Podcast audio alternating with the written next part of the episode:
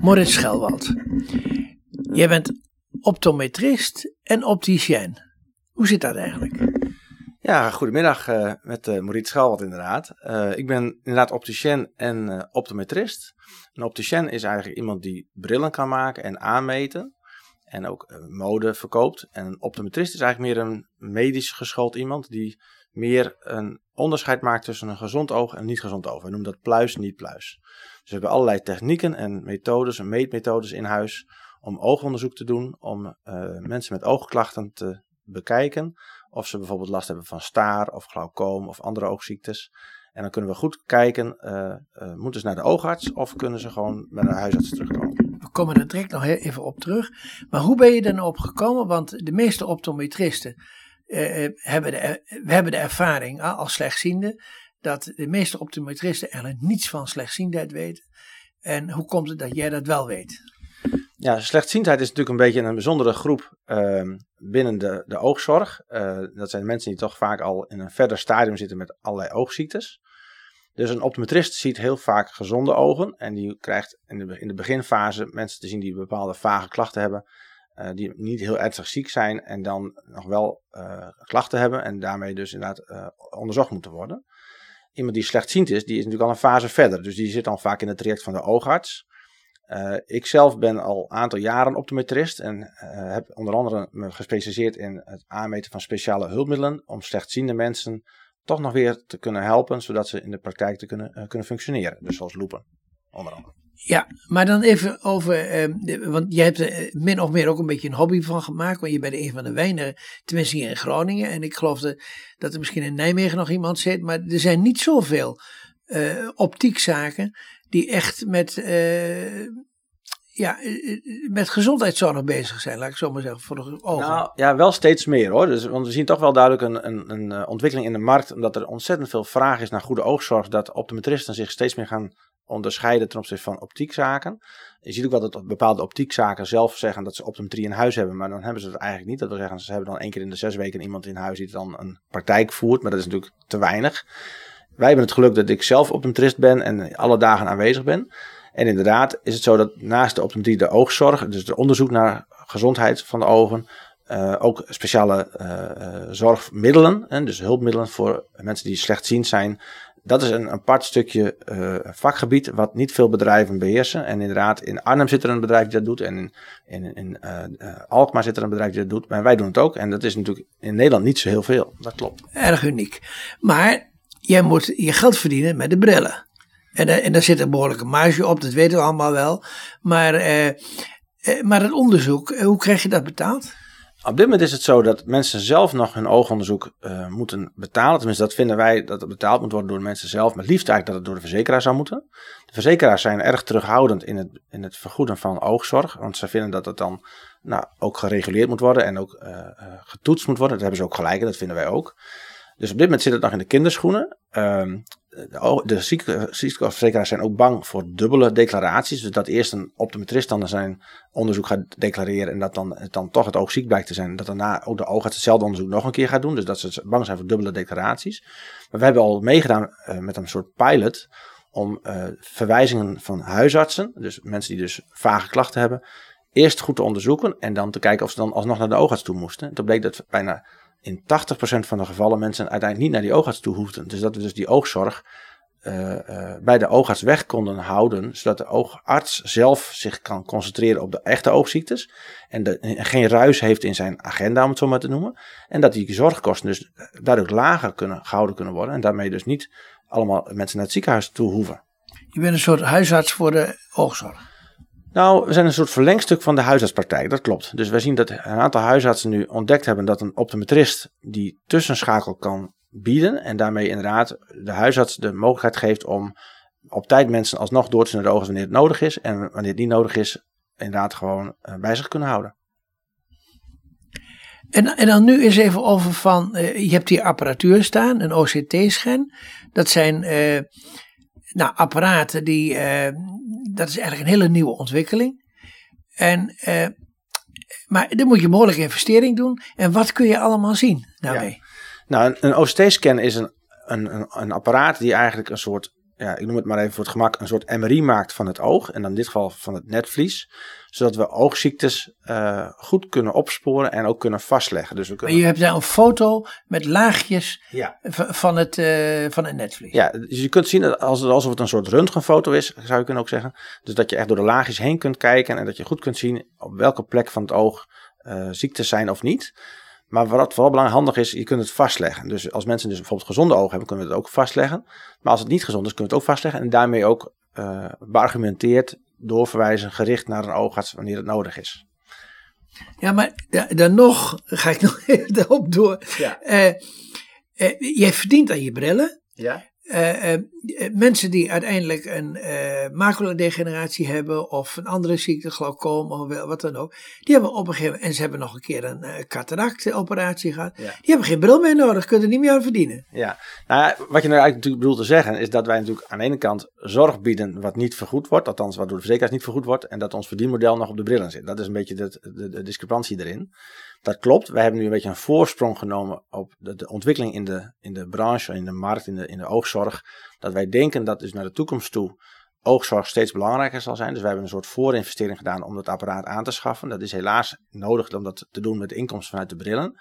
Maar we denken dat naar de toekomst toe dat die oogzorg en betaald gaat worden door mensen zelf, dus door particuliere zorg, en door, door zorgverzekeraars. En uh, het is wel zo dat wij natuurlijk mensen willen helpen. Dus wij proberen mensen dus te voorkomen dat, ze oog, dat hun ogen zieker worden. Maar als ze dan toch zieker worden en ze bijvoorbeeld geopereerd worden aan staar en blijkt dat ze uiteindelijk dan geen bril meer nodig hebben, ja, daar zijn we eigenlijk alleen maar blij mee, want we willen natuurlijk die mensen graag goed helpen. En ik denk dat mijn verdienmodel naar de toekomst toe meer richting oogzorg zal verschuiven en dan misschien in mindere mate de brilverkoop zal nodig zijn. Toch wel een opticien met idealen. Ja, kun je wel zeggen. Ja, en wel meegaan in de markt, denk ik, in de ontwikkeling in de markt. Ja, maar ik, ik zie nog niet zo heel erg veel andere opticiënzaken. Want ik ben in het verleden wel eens, toen ik beginnend slechtziend werd, heb ik wel eens uh, een heleboel optiekzaken heb ik, uh, door het hele land bezocht. Ja. Maar niemand weet iets van slechtziendheid. Ze, ze, ze denken het wel, maar ze weten het niet. Nou, het, het, is een apart hoofdstuk inderdaad, wat we net al zeiden. Uh, je moet erin verdiepen. Het is ingewikkeld, want niet elke oplossing is voor iedereen even geschikt. Dus je moet echt eh, zorgen dat je weet wat er aan de hand is, wat voor beperkingen iemand meemaakt in de dagelijkse praktijk. En je moet dus een functiegericht onderzoek doen. Uh, en kijken van waar liggen de knelpunten, wat heeft iemand nodig in de praktijk. Kan die bijvoorbeeld uh, de recepten eh, bij het koken nog zien of heeft hij moeite met tv kijken. En per keer, per situatie moet je je verplaatsen in de individuele cliënt of patiënt. En kijken van welke oplossing voor, is voor diegene het geschikt. Is het misschien een kwestie van meer licht bijvoorbeeld, hè, juiste verlichting in huis. Of misschien wel minder licht in huis.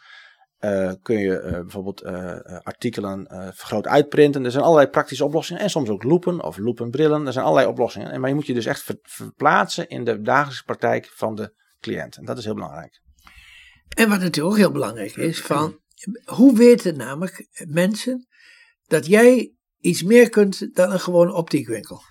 Ja, dat, nou, dat is dus eigenlijk nog vrij onbekend, inderdaad. Uh, ik, ik, moet zeggen, uh, ik heb hele goede contacten met een aantal huisartsen. En die huisartsen die hebben onderling ook weer heel veel contact. Dus we zien nu wel dat in het netwerk van huisartsen dat dat steeds meer duidelijker wordt dat er dus uh, optometristen zijn. En dat die dus meer kunnen dan een opticien mag en kan.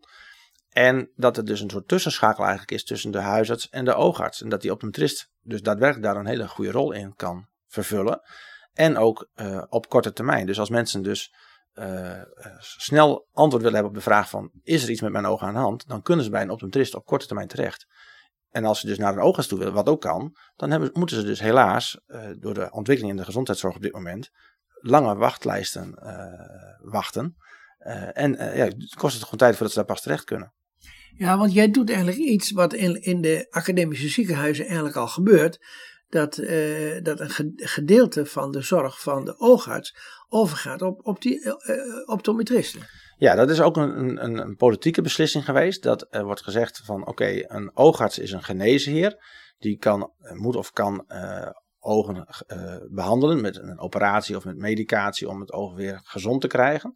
En een optometrist is eigenlijk alleen maar iemand die als rechterhand van de oogarts zou je kunnen zeggen het onderzoek doet naar wat is er aan de hand. Dus is het oog ziek of is het oog niet ziek? En die onderzoeken, die, die testen die daarvoor nodig zijn, dat hoeft niet per se door een universitair iemand uh, gedaan te worden. Kan ook door een HBO iemand gedaan worden. En die moet dan een juist verslag maken, zodat de oogarts aan de slag kan.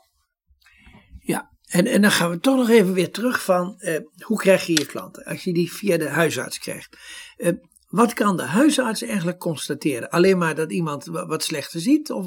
Ja, dat is heel divers. Hè? Dus het kan zijn dat een, een patiënt bij een huisarts binnenstapt van... Ik heb gehoord dat mijn moeder heeft glaucoom en de oogarts van mijn moeder heeft geadviseerd dat alle kinderen uh, moeten dat laten uitsluiten.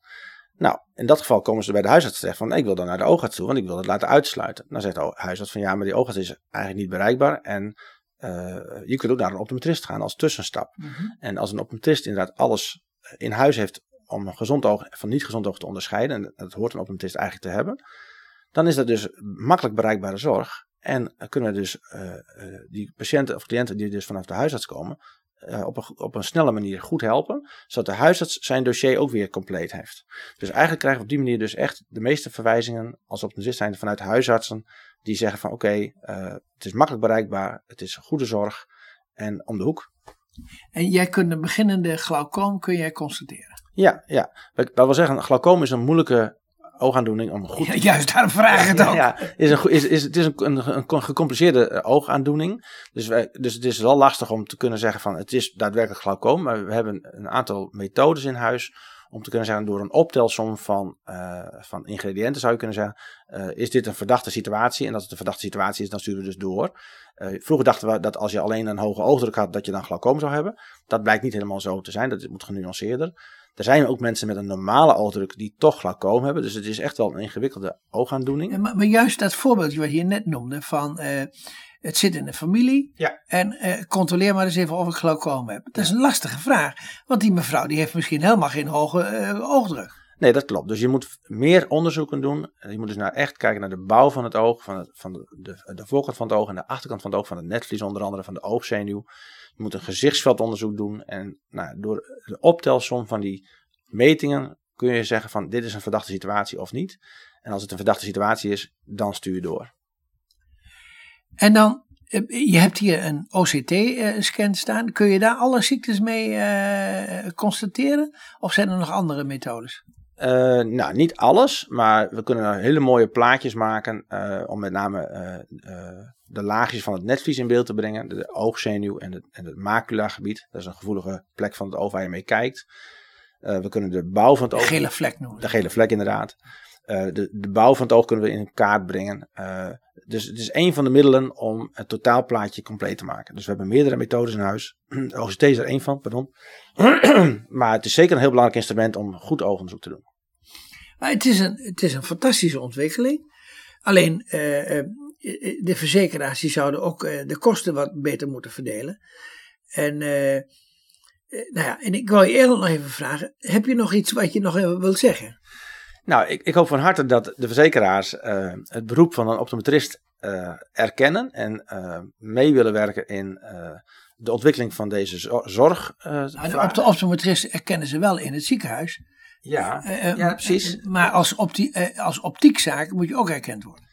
Ja, maar kijk, een optiekzaak is natuurlijk een, een, een winkel die brillen verkoopt en die doet ook oogmetingen. En een optometrist is eigenlijk meer echt voor het oogonderzoek bedoeld. En ik denk dat een, als een uh, zorgverzekeraar een optometrist uh, uh, op die manier gaat plaatsen in die ketenzorg. Mm -hmm. En daar ook dus erkent en ook daar een vergoeding tegenover zet. Dat dan daarmee toch een, een, een, ontbrekende schakel compleet gemaakt kan worden.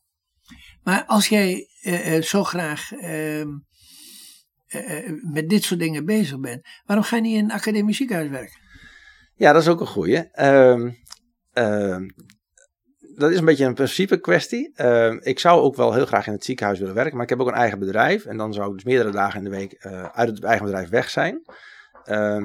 ik zelf vind het ook leuk om, om eh, met mensen om te gaan. En in een ziekenhuissetting is het zo ontzettend druk met dat je door de tijdsdruk, door de zorgkosten, dat is maar acht minuten per persoon, hebben om een oogonderzoek te doen. Wij hebben gelukkig daar wat meer tijd voor, zodat we ook de, de, de, de mensen goed kunnen helpen, goed kunnen adviseren.